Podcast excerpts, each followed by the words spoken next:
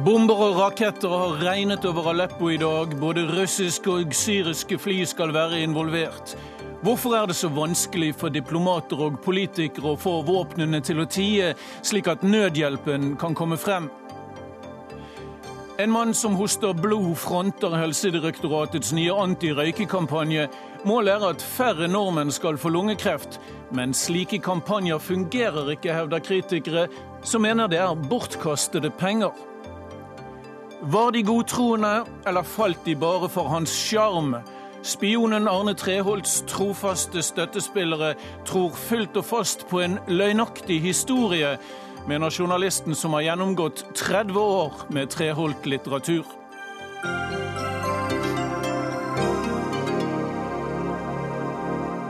Dette er Dagsnytt 18, i kveld med Ole Torp i studio. Først i sendingen. I dag foreslår regjeringen flere endringer i barneloven for å likestille mor og far som omsorgspersoner etter samlivsbrudd.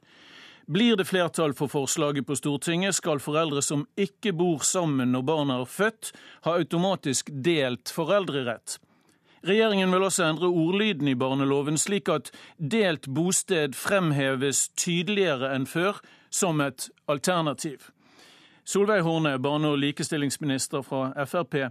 Egentlig ble reglene for delt bosted akkurat de samme som før, så vidt vi forstår. Foreldrene må bli enige om en løsning.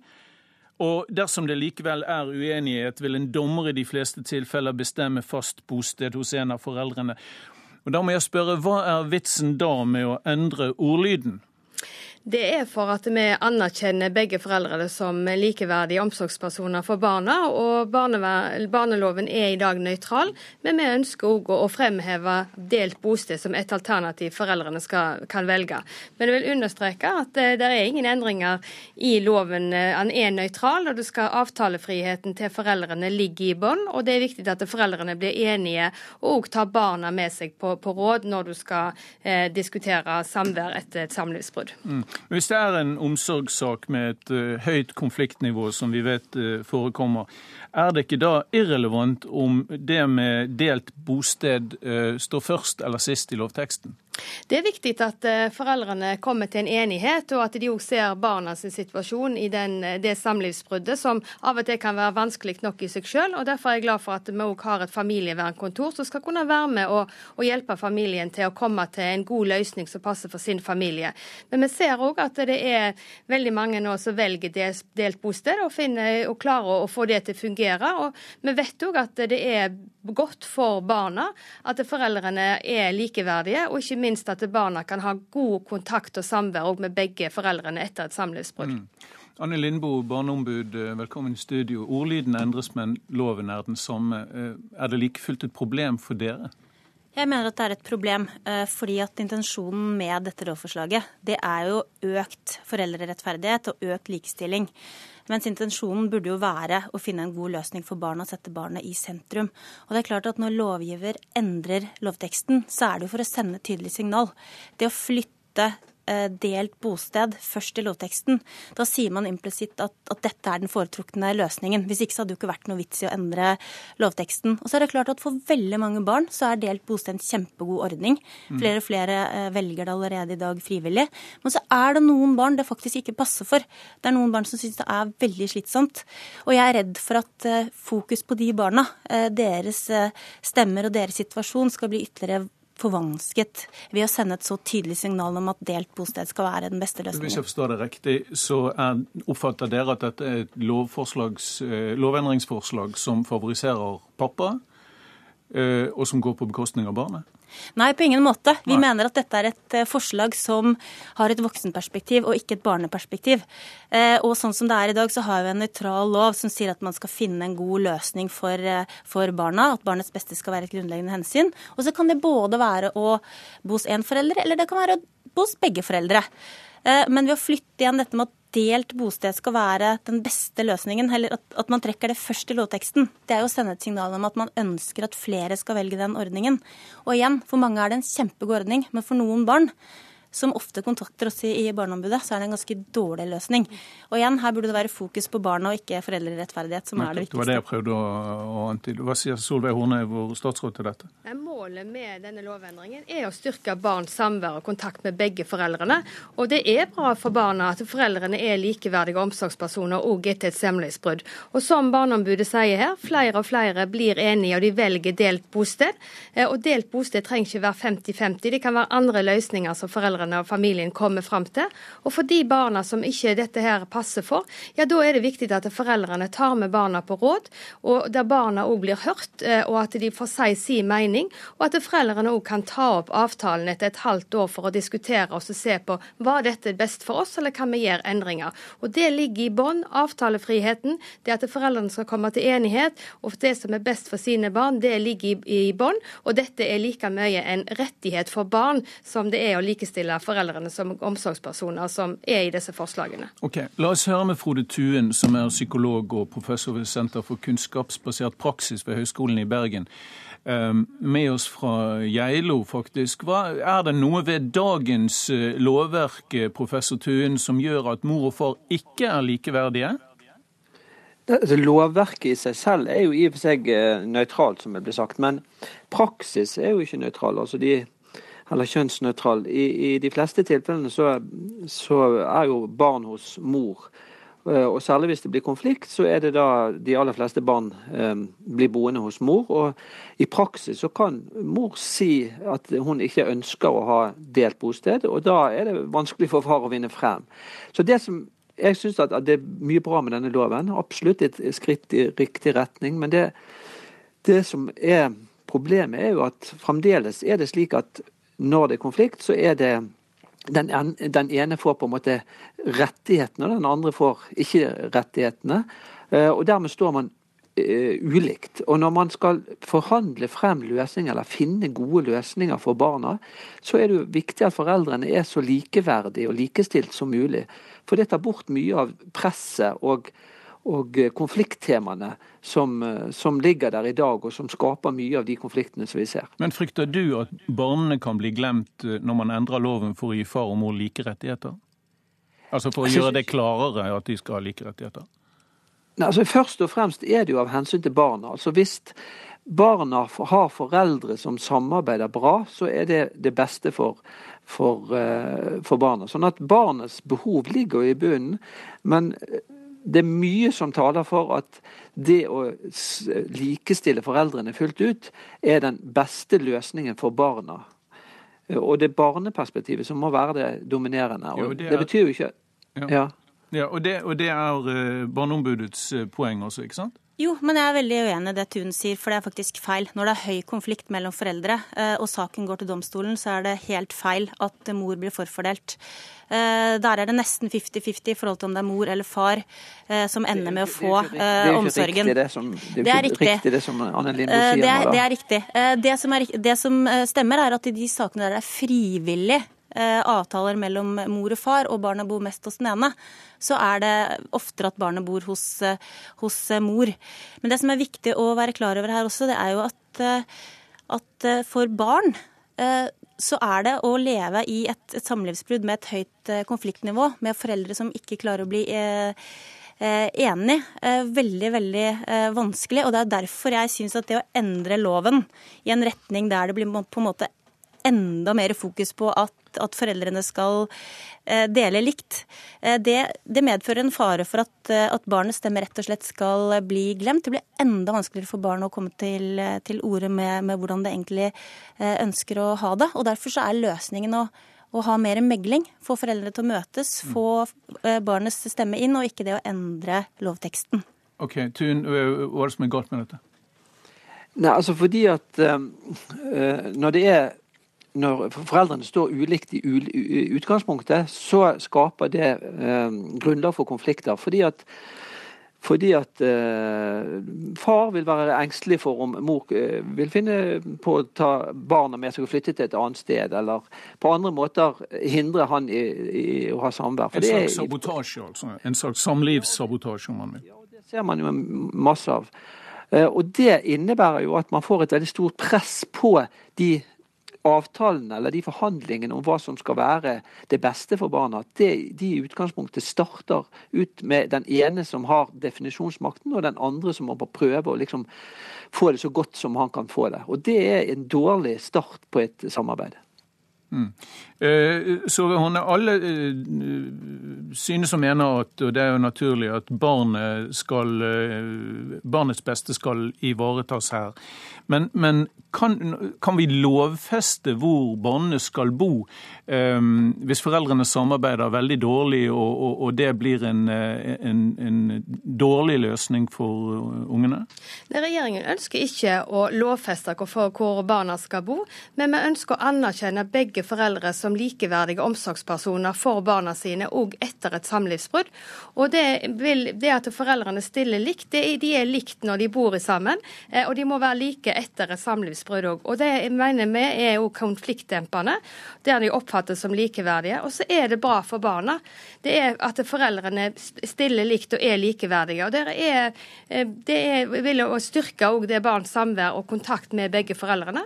Og det er òg bra for de barna. Så jeg er helt enig i at barn som lever i en konflikt, det er ikke bra. Og det er derfor det er viktig at foreldrene blir enige, men at de òg stiller likt i utgangspunktet når du skal gå inn i en samlivs eller samværsavtale. Okay. Dere hadde også et annet alternativ ute på høring eh, om at delt bosted skal være utgangspunkt i loven når begge foreldrene har bodd sammen eh, med barnet. altså etter at barnet er født. Hvorfor legger dere ikke det frem som forslag? Et, eh, vi hadde to forslag på, på, høring, og det som nå er foreslått, er det som var regjeringens foretrukne alternativ. Eh, det møtte mye motstand i, eh, i, høringen, så derfor var det naturlig at vi gikk videre med det, som får, det alternativet som vi foreslo, at vi løfter det opp i loven. Men det er òg andre forslag som er viktige i denne, det som vi har fremma. Det med å innføre en meklingsplikt ved, ved flytting. det å ut utvide varslingsplikten til, til, 30, eh, til, tre måneder, og ikke minst å gjøre noe med den samlivshindringen som, som er en stor konflikt i, i, mange forhold. La oss ta akkurat det med medlemsplikten med Anne Lindboe med, med Barneombudet. Ja, jeg må jo bare først påpeke at, at jeg er veldig undrer meg over denne påstanden om at foreldre ikke stiller likt. Eh, i, som utgangspunkt. Altså I dag så er det jo faktisk en nøytral lov som sier at foreldrene skal samarbeide og, og, og seg om... imellom forsøke å finne en, en, løsning. Men det er vel praksis her som jo, ofte er, viser seg å være problematisk? Men det er jo en frivillig praksis mm. som de foreldrene som kommer til frivillige avtaler, finner ut at kanskje for noen barn eh, så er det best å bo mer hos den ene enn hos den andre i perioder. Så du mener at en lovendring vil ikke eh, være til noe nytte? Jeg mener at en lovendring kan dytte flere eh, i den retning at, at, det er på en måte bedre å velge delt bosted. Og igjen, det er kjempebra for veldig mange barn, men også for en del barn så er det veldig slitsomt. For de minste barna så kan det være det er stor uenighet omkring eh, hva slags eh, konsekvenser det har for de aller minste barna. Og igjen, derfor så må det være det som er viktig for barnet, hensynet til barnet og den individuelle løsningen til barnet som står i fokus. Og det ivaretas veldig godt ved den loven vi har i dag. Det er ikke sånn at det forfordeler den ene eller den andre forelderen. Og igjen, når saken kommer til domstolen, hvis foreldrene ikke blir enige, så er det ganske hipp som opp om det er mor eller far som ender opp med å få omsorgen. Okay. Vi ser jo det nå at det er 25% som har delt bosted, og den økningen den skjer uavhengig av det lovforslaget her. Men det, er, det må være opp til foreldrene å finne den løsningen som passer best for sine barn. Men barna har eh, godt av, og det er bra for barna at foreldrene eh, at har god, sam, godt samvær og kontakt med begge foreldrene også etter samlivsbruddet. Okay. Takk skal dere ha alle sammen. Solveig Horne med oss, barne- og likestillingsminister fra Frp med fra Stavanger. Anne Lindboe, barneombud her i eh, studio. Og Frode Tuen, eh, psykolog og professor med fra Geilo, takk for debatten. Dagsnytt 18 alle hverdager klokka 18.00 på NRK P2 og NRK2.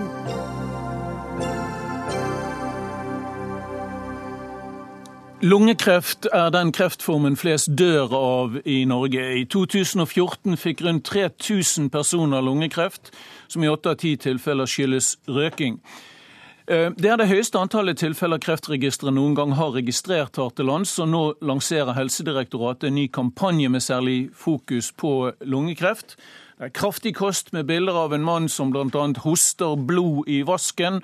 Og direktør i Helsedirektoratet, Bjørn Gullvåg, hvor mange slutter å røyke som følge av en kampanje som dette? Ja, I Norge så jobber vi jo med kampanjer som en del av en mye bredere eh, innsats. Og vi har den beste utviklingen i hele OECD-området når det gjelder røyking i Norge. Det er faktisk sånn at siden 2002 så slutter, eller, eller så får vi 100 færre mennesker som røyker hver eneste dag. Altså Hver eneste dag siden 2002 så har vi hatt 100 færre som røyker. Og Det er naturligvis sammensatt av eh, restriksjoner på ulike områder. Det er høye priser. Det er eh, det var kanskje eh, røykeloven også? Tilgjengelighet, mm. røykeloven. Mm. Så men, dere, men, vet, dere men, vet, faktisk ikke hvor mange som slutter pga. én målrettet kampanje? Nei, det, men, det vi har, men, vi har, en samlet, veldig vellykket uh, tobakksstrategi som har virket jevnt gjennom veldig mange år. Og vi vet også at uh, denne form for tobakkskampanjer virker. Det har en effekt i forhold til å uh, hjelpe folk til å bli motivert til å slutte, mm. og det er også med å endre holdninger til tobakk. Ok. Alf Bendiksen, velkommen hit. Du er konsulent og ekspert på merkevarebygging og kommunikasjon og slike ting. Eh, jeg forstår at du mener at slike kampanjer slett ikke virker, er det sånn? Nei, ikke slett ikke. Eh, men Bare virker litt? Nyanserer det litt. Ja. Ja, det, jeg tror alle antirøykekampanjer virker litt, men jeg tror ikke det virker veldig mye. Og jeg tror hvis Helsedirektoratet hadde fått ti ganger så mye penger, så hadde det vært veldig hyggelig om 1000 sluttet å røyke hver dag, og ikke bare 100. Hvis det var en slik effekt, så hadde det vært fint å finne ut om den fantes. Og da burde han ved siden av meg her fått litt mer penger. Gulvo, ja. Hva er det som virker da, mener du? Altså, Kommunikasjon er det svakeste virkemidlet vi har. Det er punkt én. Og så finnes det andre virkemidler. Uh, tobakk er et av de produktene som er lettest tilgjengelig i Norge. Mm. Absolutt. 24-7 i veldig mange utsalgssteder. Det, det går an å begrense tilgjengeligheten av sigaretter. Det går an å begrense enda mer tilgjengeligheten for å røyke sigaretter. Det går an å øke prisen på sigaretter, og det er mange ting man kan gjøre i forhold til å begrense bruk av dette her. Og det vet jeg at uh, vår minister nå snakker om. Og jeg tror det kommer til å, ikke tror, jeg er helt sikker på at det kommer til å ha vesentlig større effekt enn uh, okay, konsekvensen av en kampanje. La oss gå til ministeren. Han er, eh, han er i New York for tiden. Uh, Eh, Bent Høie, vår eh, helseminister. Eh, det sies her i studio i Oslo at det er nærmest en feilprioritering å bruke penger til kampanjer som, som ikke virker. Du, du, har vel hørt den før, men hvorfor, hvorfor, fortsetter vi å bruke penger på det da? Nei, for det som uh, Bjørn Gullvåg sier, at det er summen av alle tiltakene som, uh, som virker. Jeg er jo helt enig med Bendiksen òg at vi har andre virkemidler som virker enda sterkere. Uh, men Poenget at de må også underbygges med at folk eh, får eh, kunnskap om hvorfor en gjør dette. Mm. Eh, se... For det er Vi helt avhengig av å ha forståelse for de ganske sterke virkemidlene som vi bruker i Norge på tobakkområdet. Samtidig som vi også må nå bruke det som Verdens helseorganisasjon veldig klart har anbefalt oss, nemlig å bruke sterkere kampanjer for å motivere folk som som allerede røyket til å slutte å røyke. Okay. Men mange mener jo at de som er skikkelig innrøykt, de lar seg ikke, de lar seg ikke skremme av et par lunger på, på tobakkspakken, f.eks. som ser ut som uh, overstekte koteletter og disse filmene som man pøser ut i kampanjer. Men du har jo, du har jo foreslått nøytrale røykpakker uten produsentmerking og slike ting. Og, og Bendiksen her mener at det er et, eh, er et godt tiltak. Men hvor realistisk er det, Høie? Jo, Det oppfatter jeg som veldig realistisk. Loven er nå fremmet for Stortinget. Jeg oppfatter at det er et flertall i Stortinget som sier at de eh, kommer til å støtte loven. og Da vil eh, Norge igjen eh, gå inn i rekken av land som ligger i front i tobakksområdet. Dette er en lov som nå er vedtatt i Frankrike, i Storbritannia, i Australia, som er underveis i Irland og som diskuteres også i en rekke andre, andre, land. Og det er jo rett og slett fordi at Hovedsaken med det virkemidlet er jo å hindre at nye generasjoner eh, begynner med røyk og snus og blir tobakksavhengige. Så Det har ikke så stor virkning på de som allerede røyker, men det vil ha stor betydning for å unngå rekruttering av nye generasjoner til tobakksavhengige. Ok, okay. Forskuttere og skremme på forhånd. Eh, Bjørn Gullvåg, hvor mye koster en sånn kampanje som denne filmen og dette nye initiativet dere har tatt? Ja, denne enkelte kampanjen koster oss 5,4 millioner kroner i år. og Da er det jo eh, inklusive all den eh, tiden den eh, vises. Mm. Eh, og så har vi da midler for å jobbe med eller mot uh, tobakk, og 15 millioner kroner per år. Så vi, driver, vi har jo tidligere i år drevet kampanje mot snus i svangerskapet, også i forhold til ungdom. Og vi driver en utstrakt virksomhet på sosiale medier og på nettet for øvrig. Mm, dere brukte, så vidt jeg har forstått, 29-30 millioner kroner på kampanjer i fjor og i forfjor. Men det er altså vanskelig å måle nøyaktig effekten av dette. Ja, Vi er ikke så opptatt av effekten av bare kampanjer. Altså, jeg vil gjerne understreke at vi har i Norge den aller beste utviklingen av alle OECD-land når det gjelder tobakksrøyking. Og det betyr nok at vi eh, har de virkemidlene som er effektive, inklusive kampanjer. Mm. Når man går tilbake til, eh, til, eh, helseminister Høie i New York. Så vidt jeg forstår er din regjeringspartner Fremskrittspartiet Syns ikke de noe særlig om dette, dette forslaget? Eh, de har til og med et landsmøtevedtak så vidt jeg har forstått, fra 2015 som sier nei til anonyme røykpakker osv. Hvordan ser du nå på muligheten for å få noe slikt gjennom likevel? Kan høres ut på en uvanlig stille statsråd Høie som at vi kanskje har mistet ham på, eh, fra New York. Eh, vi får håpe han dukker opp igjen. Um, Gullvåg, er det, er det, er det negative si, bivirkninger ved slike kampanjer som vi nå ser? Alle, Denne skremselen? Med ja, det, det, er det jo. Og vi er jo veldig opptatt av at uh, de som røyker, også skal føle seg ivaretatt og ikke støtt ut. Eh, det kan nok være slik at enkelte oppfatter at eh, de blir litt uttenkt i forbindelse med mm. dette. Eh, men samtidig så vet jeg at det er veldig mange av de som røyker, som er motivert for å slutte. Og de trenger påfyll for å kunne ta den avgjørelsen som bidrar til at de slutter. Mm. Og på den måten så kan kampanjen være en medvirkende et, et, medvirkende og veldig viktig bidrag for dem. Nå hører jeg at de transatlantiske kabler virker igjen, så Høie er med oss igjen fra New York. Eh, eh, Høie, jeg prøvde å spørre i sted hvilke muligheter du tror du har til å få din regjeringspartner Fremskrittspartiet med på disse kampanjene i fortsettelsen, eh, når de faktisk har et landsmøtevedtak på at de ikke ønsker dem? Nei, kampanjen har vi jo fått vedtatt i budsjettene. Det som Fremskrittspartiets stortingsgruppe har sagt at de ikke ønsker å støtte støtta lovforslaget om å innføre eh, standardiserte tobakkspakninger og snuspakninger. Altså, ja, det syns jeg er synd. Eh, men jeg opplever at uh, allikevel at det er et flertall i Stortinget for det tiltaket. Og det er veldig viktig tiltak, fordi det er nettopp viktig for å unngå at nye generasjoner blir tobakksavhengige. Mm. Så var Bendiksen her inne på et poeng som kunne være et vel så bra virkemiddel. Um, han pekte på hvorfor det er så lett å kjøpe røyk, hvis, det, hvis vi er så opptatt av å bekjempe eh, tilgangen til det. Det er en rekke andre virkemidler også som eh, en kunne ha tatt i bruk. Vi har i Norge valgt å bruke høye avgifter. Vi har en eh, veldig streng røykelov. Nå jobber vi med å få et bedre kontrollsystem med butikkene som selger tobakk, sånn at vi i større grad kan følge opp hvis noen selger til, selger til mindreårige. Men jeg tror litt av grunnen til Norges suksess er at vi har tatt ett steg om gangen. Eh, og sørget for at det har vært forståelse i befolkningen for de tiltakene som, som er satt inn. Men hva blir det neste? Innføre tobakksmonopol på lik linje med Vinmonopolet?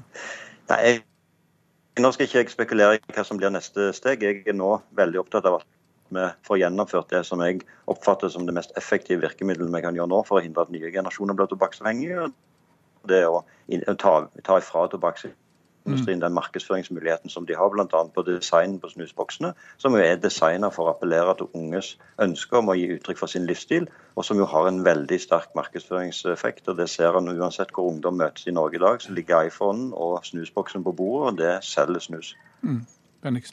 Det tror jeg jeg har et veldig godt poeng. Tobakksindustrien bryr seg veldig lite om at det er forbudt å lage reklame for tobakk. Men eh, fjerner du design og merkevare på pakningene, så fjerner du det viktigste limet mellom røyker og, eh, og sigaretten. Tobakk er, underlig, er, en underlig kategori. Enhver markedsdirektør drømmer om å få lojale kunder, eh, men det er fryktelig vanskelig. 100% tilfredse kunder kan gi opptil 20 lojalitet, viser forskning. Men innenfor tobakk så er de som røyker 100% lojale til merket sitt. Og hvis du fjerner merket, så fjerner du en av de viktigste koblingene mellom røykerne og tobakken. Uh, Gullvåg, uh, hvem er det særlig som, uh, som er de store røykergruppene i Norge i dag? Det er en ganske stor uh, sosial gradient når det gjelder røyking. Mm. Så det er jo spesielt de som har en kortere utdanning og kanskje også lavere inntekt. Så det røykemønsteret vi har i dag, bidrar også til å opprettholde og forsterke de sosiale ulikhetene i helse som vi har. Mm. Altså vi hører jo om eh, at det kan være mange kvinner, unge kvinner som, som gjør det pga. vektproblematikk og sånn, men samtidig kom det en nyhet forleden dag om at vi blant norske ungdommer er, er røyking så lavt at vi skårer veldig høyt, i hvert fall i europeisk sammenheng. Eller skårer veldig lavt, om du vil. Ja, veldig bra. Mm, ja. Eh, det er jo bare 5% av de unge nå som er dagligrøykere i aldersgruppen 16 til 24 år. Eh, for eh, ti år tilbake så var jo det tallet veldig, veldig mye høyere. Så vi er på veldig rett vei.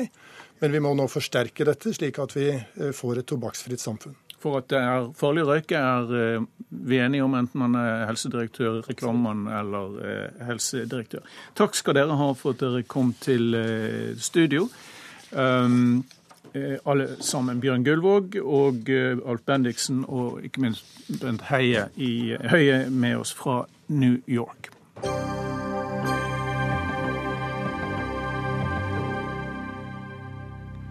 Nå i kveld er det norgespremiere på den meget omtalte spillefilmen 'Kongens nei'. Men er det slik at alle nyere norske filmer og TV-serier fra krigens dager forteller lokale heltehistorier bare fra Sør-Norge? Den viktigste krigshistorien, den om Nord-Norge, er underkommunisert, hevder i hvert fall Stein Arne Nistad, som er forfatter, i en kronikk på Ytring. Hva er det som er galt med fremstillingen i norske filmer om krigen? Det som eh, er problemet, det er jo ikke bare film, men det er vel en generell underkommunikasjon av eh, det som skjedde i Nord-Norge. Det gjelder både det felttoget i, Narvik, det, nei, i Finnmark, og det gjelder spesielt eh, slaget i Narvik. Eh, som ikke har nådd filmruta i det hele tatt. Verken på TV eller på, eh, som kinofilm. Eh, og det er, snakker du nå om et visst tidsspenn, eller snakker det du gjennom egentlig, tidene? Så faktisk, eh, altså Når det gjelder felt, nei, nedbrenning av Finnmark, så har de jo brent jord, men det er jo helt tilbake fra 1969. Mm. Og den kronikken min tar utgangspunkt i nyere norske filmer. Nyere norske ja. filmer, for du, også, vi hadde Ni liv, og vi hadde ja. en del andre filmer. Og så sier jeg også at det, skal, at det, handler om filmer som da har en reell betydning for forløpet av krigen i Europa. Mm. Eh, og det er ikke mange hendelser i Norge som har det, men, eh, men slaget i Narvik har det faktisk. Sånn så du mener, eh, Hvis jeg forstår det rett, så mener du at det nærmest er anekdotiske de filmene som er laget om krigen i Sør-Norge, lokale heltehistorier osv., mens de store linjene, senking av Tirpitz, slag om Narvik, slike ting, er Ja, og spesielt slag om Narvik. altså For å sitere, sitere professor Stian Bones ved Universitetet i Tromsø så var da under slaget Narvik så var, eh, var eh, Narvik sentrum i annen verdenskrig. Intet mindre, for å sitere han direkte. Og det er klart at det skjedde vel verken før eller siden at, eh, at en hendelse i Norge hadde et, en så stor betydning og som også da faktisk endret krigens gang. hvis man... En stor betydning. Den første byen som ble befridd uh, fra tyske okkupanter. Det finnes ikke en av polske, engelske og, og, franske styrker. Man kan gå i en hvilken som helst fransk by og finne et skilt som heter Plass eh, Narvik. Mm. Magnus Håkenstad er historiker og Institutt for forsvarsstudier. Mm, du er ikke enig i denne fremstillingen? har Jeg forstått? Eh, jeg er delvis uenig. Eh, og det, det, jeg gjorde, var at jeg tok, lagde en liten oversikt. Telte norske krigsfilmer. Spillefilmer om andre verdenskrig. Mm. Og det er det første jeg som slo meg, var jo at det er veldig få av dem. Det er laget litt i underkant av 30. 28 har jeg kommet til nå. Siden 1945. Eh, det er eh, da 3 av de ca. 900 norske spillefilmene som er laget. Da. Til sammenligning så er det laget 20 eh, filmer bare med Olsenbanden, f.eks. Uten sammenligning for øvrig? Ja, uten sammenligning for øvrig. Um, og så slo det meg også at norske krigsfilmer er bedre enn sitt rykte. Både når det gjelder dette med hva kan man si, hvilke landsdeler som får en rolle, og også i tematikken. da. Uh, av disse 28 filmene, så er det, som det sies her, en viss overvekt. 13% nei, unnskyld, 13 filmer, ca. 40% som er Oslo- eller østlandsfokusert. Mm. Jeg mener du at det er andre landsdeler som kanskje hadde like god grunn til å være fornærmet over ikke å komme ja, med i filmhistorien? Det, det vil jeg si. Altså, Sju av disse filmene, altså ganske nøyaktig en fjerdedel, utspiller seg i Norge. Og så er det da f.eks. ingen fra trøndelagstraktene, og svært få også fra Sørlandet mm. f.eks. Så det er ikke bare Nord-Norge som trenger å føle seg oversett Snarere vil jeg si at det ikke er så verst Men du, er, du vil ikke være uenig i at noen av krigens viktigste hendelser faktisk skjedde i Nord-Norge, både når vi snakker internasjonalt og nasjonalt for, vår egen, for, vårt eget land? Eh, jeg er helt enig i at hendelsene i Nord-Norge var veldig viktige og klart de største krigshandlingene. Og så vil jeg også få lov til å si at eh, den, de påkjenningene som nordnorske befolkningen ble utsatt for under krigen, har ikke noe sidestykke i uh, Norge under krigen for øvrig.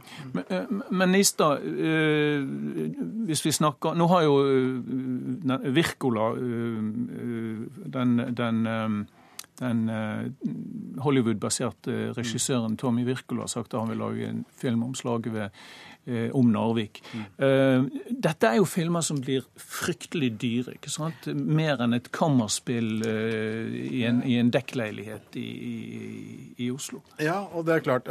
For det første så har jeg lyst til å si en ting som er ganske viktig å få med seg her. Altså, Dette er ikke en Nord-Norge-Sør-Norge-konflikt. Så som jeg ser det, så er dette en historiefremstillingskonflikt. Og det er noe helt annet enn liksom at, at vi skal heie på Nord-Norge nærmest for å gjøre det rett og sjel for hva det, de lidelsene de hadde under krigen. Men ligger det det et element av at vi, vi søringer her har en tendens til å um, overse og ignorere ja, den nordnorske befolkningen? Jeg jobber jo med kommunikasjon, ja, jeg jobber med kommunikasjon til daglig, og det som forbauser meg, er at uh, når historie forsvinner, så er det gjerne noen som vil at de skal forsvinne. Og det jeg lurer på, hva skjedde etter krigen, siden det var så maktpåliggende å greie å på en måte usynliggjøre Fleischers eh, Men hva skulle historie. det være? Hva skulle det være? At de norske partisanene samarbeidet med russerne, f.eks.? Ja, det kan være det. Det kan være at, eh, den, eh, at Fleischer satte fingeren i øyet på noe som var veldig ubehagelig. altså rett og slett at Norge General var, Fleischer som ja, general, som, ja, som, begikk selvmord, som begikk selvmord ja. i frustrasjon? Ja. ja, fordi han ble tilsidesatt og på en måte nærmest uglesett av hele regjeringa. Det var faktisk sånn at ingen i Arbeiderpartiet stilte stilte opp på begravelsen hans etter, at, etter krigen. Så Magnus Håkenstad, det kan teoretisk sett ligge en uh, villet eller mm, intuitiv politisk styring av det? Det er nok der vi er uenige. fordi eh, for det første, Hvis du ser på disse filmene og framstillingene, så er det gjort veldig mye på Nord-Norge. Eh, også ganske raskt etter krigen, og også i forskning og undervisning. Og for det andre, er det si at, helt riktig? Ja. Det er, er, det ikke slik at, at man faktisk har hatt flest, mest narrativ om krigen i Sør-Norge, Blykjer, eh, kampene eh, på Midtskogen osv., som vi ser et eksempel på en norsk premiere. Flest og mest kan hende, men påstanden her er at dette er blitt bevisst forsøkt fortiet og feid under teppet. Og Der er jeg ganske uenig, fordi det er en ganske sterk påstand at politiske krefter i Norge har prøvd å holde skjult helt vesentlige deler av norsk historie. Og den er vel vanskelig at... å, be å, bevise også. Mm. At det er vanskelig? Nei, du kan jo se altså Nå er ikke jeg historiker, jeg er forfatter, og jeg, bare, jeg har jobbet to, nei, fire år med denne historien i disse bøkene bøkene. Eh, og det, det som jeg syns er påfallende, er at når, når, når man begynner å, å, grave i det, så er det nesten som å dra, la, dra, bort lag for lag av en så voldsom historie og krigshistorie med så stor betydning at det nesten er vanskelig å skjønne at den ikke er liksom, eh, hovedpensum i historiebøkene i Norge. Så, så sterkt er det. Så ja. sterkt er det. Ok. Eh, takk skal dere ha, begge to. Det kommer, vet jo det kommer kanskje to filmer om uh, Narvik nå, hvis, uh, hvis budsjetteringen og, og, pengene går i orden. Takk til Stein Arne Nistad, forfatter, og Magnus Håkenstad, historiker og forsker ved FFI. Hør Dagsnytt 18 når du vil. Radio NRK Radio.nrk.no.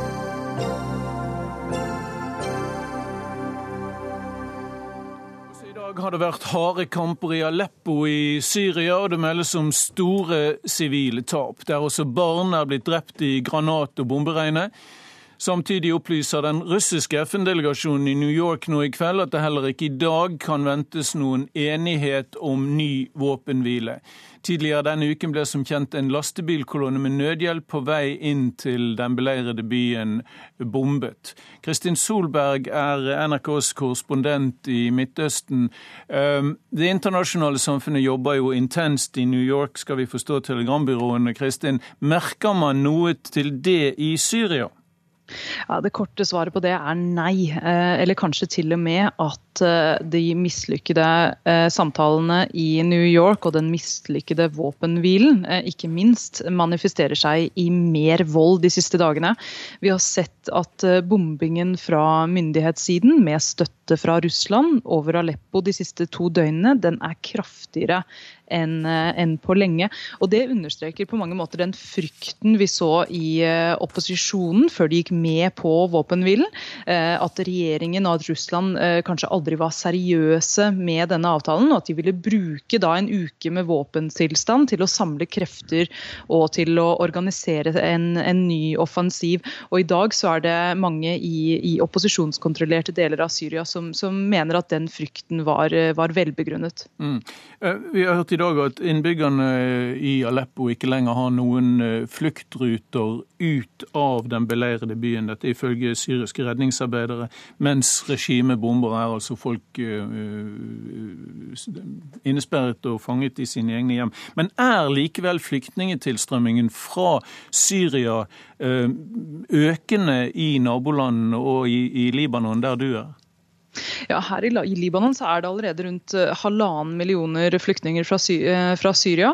Eh, så de har tatt imot mange. Men flyktningtilstrømmen til nabolandene nå er ikke så stor som det man skulle tro. Men det har mindre med realitetene på bakken inne i Syria å gjøre, og mer med at flere naboland nå har stengt grensen.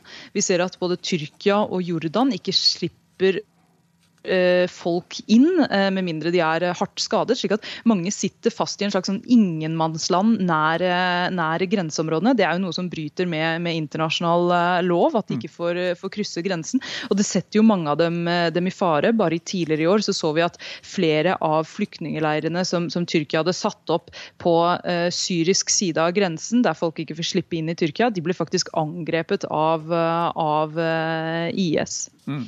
Kristin Solberg, vår korrespondent i Midtøsten, med oss fra Libanon der i kveld. Takk skal du ha. Kristian Berg Harpviken, leder for PRIO. Eh, hvordan vurderer du diplomatene og politikernes forsøk på å få til en våpenstillstand nå under generalforsamlingen i FN? Nei, Det er jo klart at dette er ganske hjelpeløst. Men det er jo hjelpeløst fordi at det er en eh, svært vanskelig situasjon. Den er uoversiktlig. Det er eh, mange aktører. Krigen har skifta karakter dramatisk bare de, den siste uka. Eh, og det er vel ingen engang som har helt oversikt over hva som er eh, allianseforholdene. Det dukker stadig opp eh, nye konstellasjoner her. Det er, ja, er det kaoset i seg selv som gjør som gjør det så vanskelig å overholde en, en våpenhvile? Ja, så Kaoset skapes jo at det er mange aktører som vil forskjellige ting. Så det er jo ikke Kaoset er jo et resultat av mange kryssende viljer. Men eh, det er jo mye som tyder nå på at eh, flere av aktørene som har vært med på å forhandle fram denne våpenhvilen, faktisk ikke har hatt eh, bona fide hensikter og har brukt den. Vi hva, mener du, hva, mener du, med Nei, Vi hørte jo Kristin Solberg antyde at dette kanskje har vært et skalkeskjul for regjeringsstyrkene for å kunne bygge opp og omgruppere sånn at de kunne rette et nytt angrep mot Aleppo f.eks. Eh, det er klart at det, ikke, det skaper ikke den tilliten som skal til for å gå inn i nye forhandlinger. Det er lett å forstå når vi nå ser eh, president Barack Obama holde seg lengst mulig unna alle forhandlinger som har med Syria å gjøre. Dette har jo blitt en skamplett på hans presidentembete. Mm. Men han ønsker i hvert fall ikke å bli sett ved et forhandlingsbord sammen med president Putin eller eh, den russiske utenriksministeren Sergej Lavrov. Det er nok kynisme til å gå rundt for, eh, for alle her. Morten Røstrup, du er eh, aktiv i eh, Leger uten grenser. La oss snakke om sivilbefolkningens problemer. Hva, eh, hva vil du si er det mest presserende behovet nå? Det er jo, kommer an på hvor, hvor i Syria man snakker om. snakke Hvis vi snakker om Aleppo. Aleppo nå, så er jo det en beleiret by som ikke får noen forsyninger inn. Verken mat, medisiner, rent vann er et problem. Bensin er et stort problem. Og dette er folk som heller ikke kan flykte ut, samtidig som de bombes ned fullstendig. Vi har sett, eh, Jeg var faktisk i grenseområdet mellom, mellom Syria og Tyrkia for noen få uker siden. Snakket med folk fra, fra, fra Aleppo. Og eh, av de åtte sykehusene som er i Aleppo, var alle åtte bombet, delvis satt ut av funksjon. Så heller ikke noe, noe helsetilbud har de. Og dette er bare et eksempel på en ekstrem, brutal, jeg vil si bestialsk form for krigføring, hvor man kaster alt som heter internasjonal folkerett på båten.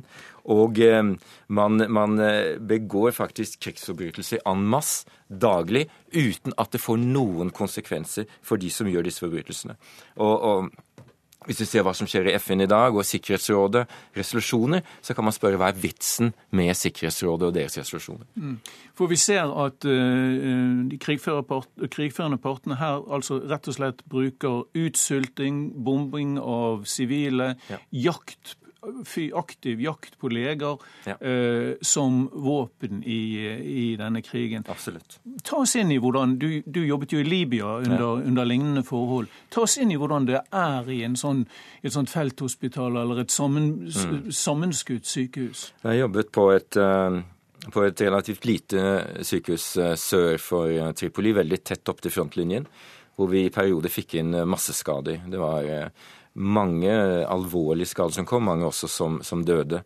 Og etter en periode vi hadde jobbet der, ganske intens, så kom det rakettangrep mot selve sykehuset. Og da måtte vi løpe inn på røntgenavdelingen, som var egentlig det tryggeste stedet, mens rakettene falt rundt oss og bare slo ned 100 meter unna. Heldigvis så, så gikk det bra med oss den gangen, men vi måtte ev evakuere vårt team under de forholdene. Og når slike ting skjer, så er det opphør av helsetjenester for sivilbefolkningen. Det er de som lider mest på dette her. Og her er det faktisk, som det var den gangen da Gaddafi angrep dette sykehuset, dvs. Si Syria, dette er målrettede angrep. Det er ikke tilfeldig, det er ikke slumsing. Det er ikke fordi folk er unøyaktige. Dette vil de. Og det er, det er forkastelig. Kristin Solberg, stadig med oss fra, fra Beirut. Hvordan snakker andre mennesker i regionen om sine, sine venner og den skjebnen sivilbefolkningen i, i Syria lider nå? Ja, det er faktisk litt både og. For her i regionen så er det jo slik at her har man jo merket konsekvensene av Syriakrigen helt på kroppen. Som jeg var inne på, så er det halvannen millioner syrere her i, i, Libanon. Og Libanon er jo også et, et splittet land. Man, innbyggerne her støtter enten eh, regjeringen eller opposisjonen. Um, og det er en stor grad av, av sympati eh, mot eh, eller det som skjer, og det at det har vart såpass lenge som det det, det det, har. Men samtidig så er det jo eh, også en del som begynner å miste tålmodigheten med det. Eh, som mener at eh, syriske flyktninger nå må de, få, må de, bare returnere hjem igjen, for nå har de vært her såpass lenge. Og det er jo noe av det samme som vi, som vi også ser Du sier at det sliter på, på solidaritet og sånn når, når det blir ja, det... trangt og, de, og alle skal ha mat, holdt jeg på å si? Ja, absolutt. Og, og, det er også slik at uh, folk i, i, regionen også er redde for at um, konfliktene skal smitte over. Det er jo heller ingen ubegrunnet, uh, ubegrunnet frykt. og det har vi jo også sett at det har gjort i så godt som alle naboland. Og det, Derfor så håper man jo på at, at, dette skal bli, at det skal komme en eller annen løsning på det. Men samtidig så vet man jo, og det vet man jo veldig godt her i Libanon, her var det jo en krig som varte i 15 år eh, før partene var så utslitte at de til slutt samlet eh, ved forhandlingsbordet for å komme til et slags eh, kompromiss som, som, ikke funker så veldig godt i praksis, men eh, som i hvert fall har, har holdt volden eh, noenlunde på avstand de siste årene. Eh, slik at krigen i Syria, hvis den er sammenlignbar, så har den vart i fem år. og man ser jo tegn til at den kan komme til å vare i, i mange år til, helt til partene kommer til en situasjon der de er faktisk er helt, helt utslitte og bare må samles til rundt for forhandlingsbordet. Men så langt så er det ikke, er det ikke tegn til at de er der i nærmeste framtid. La meg spørre Harpviken om det, som forsker på dette. Er det, er tror du også at det er en sånn utgang vi kan komme til å se på denne krigen? Altså at de blir helt utslitt? Absolutt et mulig scenario, men jeg håper da inderlig at vi også kan tenke i andre retninger. og jeg tror vel, Hvis man skal se noe fremgang i dette nå, så, så trengs det en fundamental nytenkning hos mange parter. Men den hvis, ser vi vel ingen steder foreløpig, gjør vi det? Nei, men la oss se mot den fløyen som man på en måte er en del av fra et norsk perspektiv, altså den vestlige alliansen så slåss man jo nå på, en, eh, på, mange måter for et eh, med våpendragere på bakken som knappest eksisterer, altså spøkelseskrigere. Mm. Det er de sterke gruppene i Syria i dag, det er de sterke motstandsgruppene. Det er grupper som man ikke ønsker å snakke med. Særlig Al-Nusra-fronten står jo ganske sterkt. Ja, det er, er assosiert utgått fra Al Qaida. Men eh, så lenge man eh, forestiller seg at det finnes en slags nøytral tredjepart som knappest har eh, militært nærvær eller politisk oppslutning på bakken, så tror jeg det er veldig vanskelig å skape bevegelse i dette langs de hensikter som, som man har fra vestlig side. Mm, og Morten Røstrup, du er, kan jeg tenke meg, ikke så veldig imponert over de vestlige initiativ for å få slutt på denne krigen? Nei da, det er jeg ikke. Jeg er ikke noe spesiell politiker, men det er også veldig skuffet over, det er når vi ser disse disse, disse bruddene på folkeretten. At eh, f.eks. ikke norske politikere hadde gått ut og klart bedt om uavhengig gransking når det foregår. Og, og, Det skjedde i Afghanistan med Kundus. Der hadde Norge en mulighet til faktisk å si fra til amerikanerne det er vel og bra at dere etterforsker deres egen mulige forbrytelse, men vi trenger uavhengige granskninger skape presedens for det. Nå ser det ut som den muligheten er spilt bort, og det er svært beklagelig. Svært beklagelig. Vi hadde tenkt å spørre vår utenriksminister Børge Brende om dette. Han er også ved FNs generalforsamling. Han sitter i et møte nå og kunne dessverre ikke være med, fikk vi beskjed om i siste liten. Men takk skal dere ha. Eh, Morten Rostrup og Trond Berg Harpviken, Kristian Berg Harpviken og eh, vår eh, korrespondent Kristin Solberg i Beirut.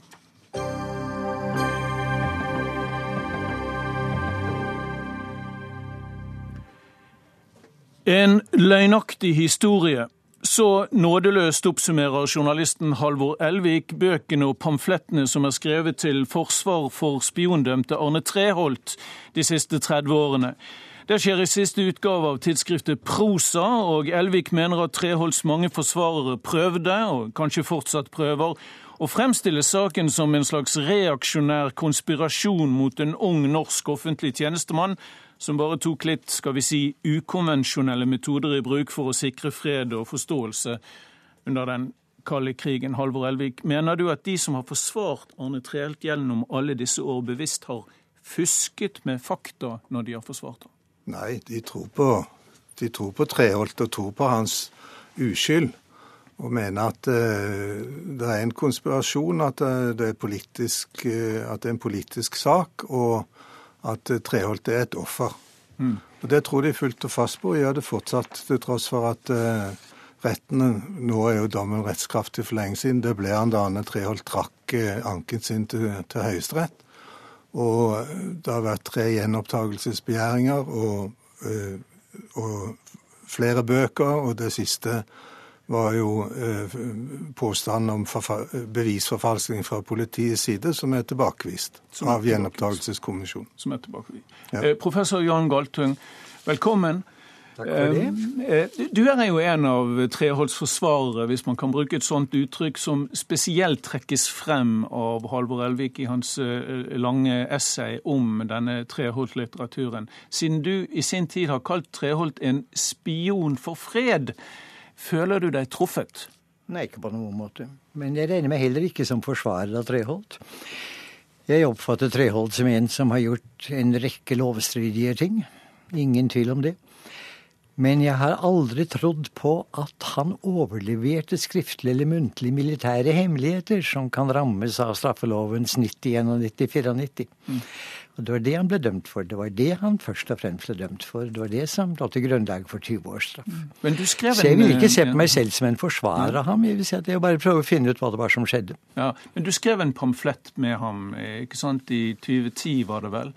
Um, som het 'Hva var det de prøvde å si?' Og det her har vi den, ja. Hva var det du prøvde å få til? Hva var det du prøvde å få til, ja. Eh, at det skulle, der, jeg tror det er et sitat, det skulle vært hundrer, tusener av slike dialogpar, altså som Treholt og hans føringsoffiser Gennadij Titov. Mener du fremdeles det? Jeg mener nøyaktig det. Og det var det Evensen mente. Tre ganger uavhengig av hverandre sa Evensen til meg at Treholt har en sånn enestående evne til å få kontakt med folk at jeg har bedt ham å gå hinsides havrettsforhandlingene og få kontakt med russerne for å prøve å finne ut om vi kan få til en bedre løsning, en bedre ordning. Mm. Alvor Elvik, Arne Treholt har vel forsøkt å fremstille seg som en mann som ville ha en slags hemmelig i dag ville vi kalt en hemmelig bakkanal inn i, eh, i Sovjetunionen, og oppfattet seg som en spion for fred. Det er iallfall slik han har forsøkt å fremstille seg. Ja, han, det er betydelig hybris i det Arne Treholt beskriver eh, når han skriver om seg selv og det han har tenkt og prøvd å få, prøvd å få til. Men, eh, og han hevder jo at han hadde et sånt underforstått mandat av Jens Evensen. Det slo jo Jens Evensen sterkt tilbake mot i rettssaken. Og nå kjenner vi også det som foregikk i lukket rett. Og det var jo knusende for, eh, for Arne Treholts side. Det var ikke noe sånt mandat. Evensen sa klart fra at eh, de brifingene som eh, russerne skulle ha om havrettsforhandlingen, de, skulle, de var det han som skulle gi. Men, men uansett hva Arne Treholt hevde, så rapporterte han aldri til noen. Han sa aldri noe til, noe til noen om sine kontakter med Gennadij Titov. Og da er jo dette helt ubrukelig informasjon. Men, samt, men, hva synes du da om at professor Galtung øh, fremdeles mener at det var en god idé at man skulle ha slike par? Slike T- og T-par? Ja, De er jo meningsløse så lenge det blir, foregår i eh, den største hemmelighet. Altså, Dialog er jo nyttig, og samtaler og snakke med folk er jo, som Johan Galtung er den, en av verdens mest fremste talsmenn for, er jo, er jo, nyttig, men da må, jo, da må, jo, informasjonen deles. Og det må jo eh, Det, det kan jo ikke foregå fordekt i hemmelighet. Og dessuten eh, med betaling. Altså Arne Treholt var en spion til salgs. Noe av det som, som Treholts venner og forsvarer Galtung kanskje ikke forsvareren, men i hvert fall venn, ikke klarer å forholde seg til, er hans relasjon til Irak hvor han eh, innkasserte eh, med i 1982 eh, penger, flere årslønner.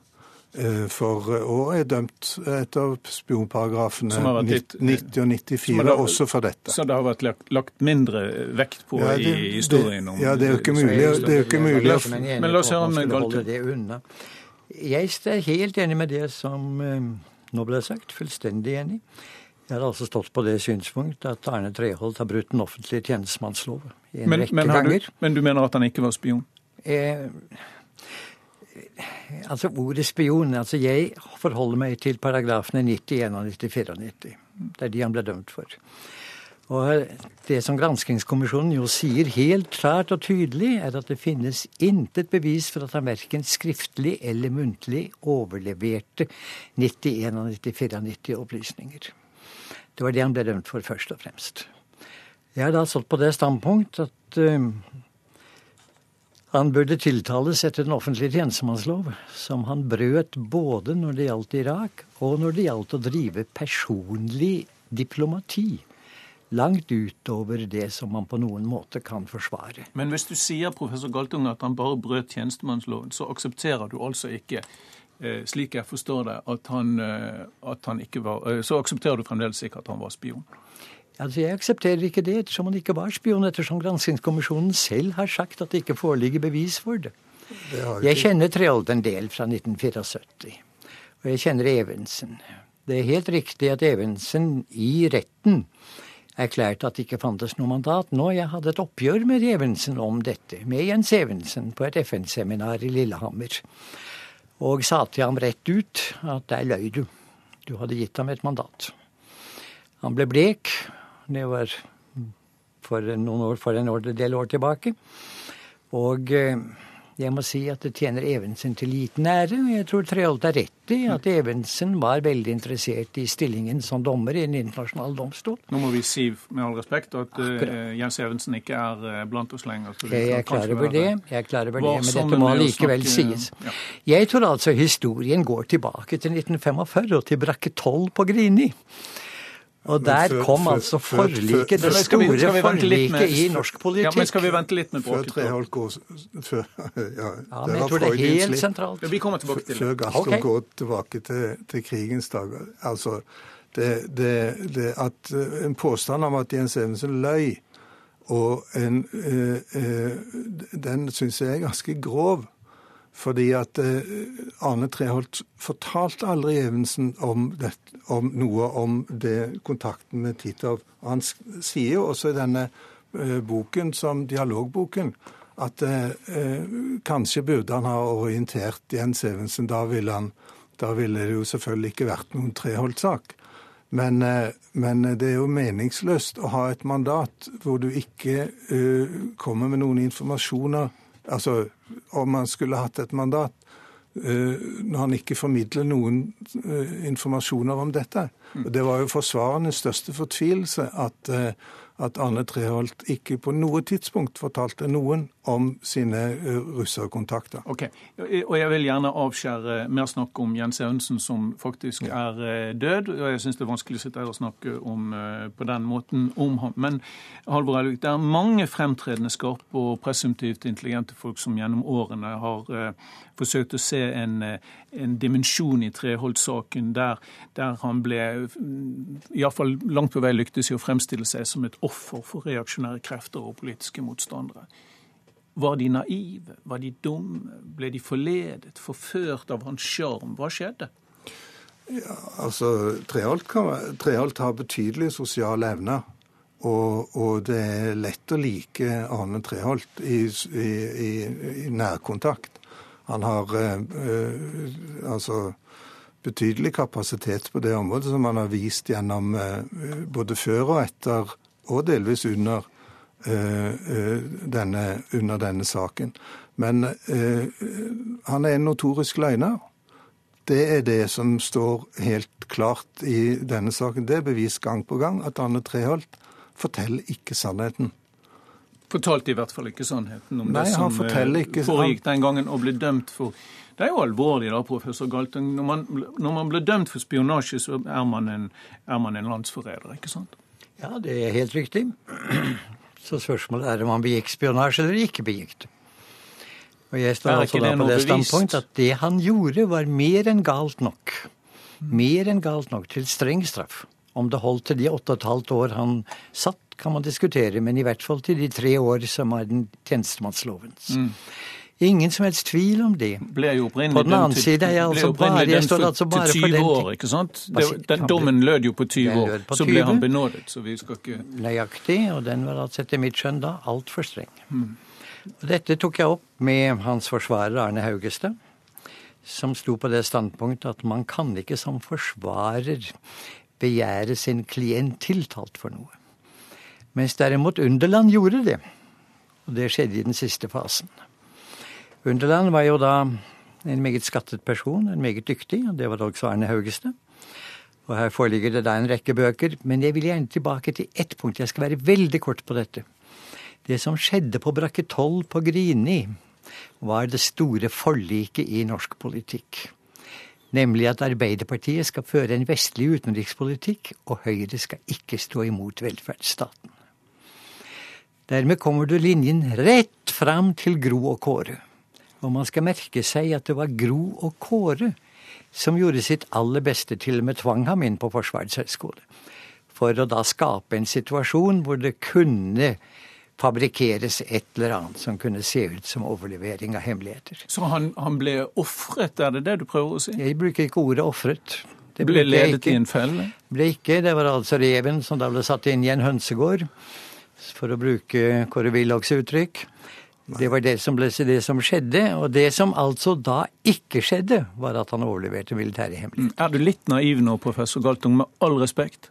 Vel, jeg var selv foreleser og, eh, på høyskolen. Og eh, der var det en 20 stykker, og uten sammenligning den gløggeste studenten var Arne Treholt. Men det dreide seg om noe ganske annet, nemlig religion og politikk. Altså Det jeg her står for, er da følgende. Det er veldig, veldig enkelt. Han rystet sammen med Evensen ved bærebjelken i norsk politikk, nemlig forliket fra 1945. Det var derfor man fikk et oppgjør mot dem, ikke bare fra Arbeiderpartiet. Der tror jeg Synsnes tar feil i sin okay. utmerkede, dyktige bok.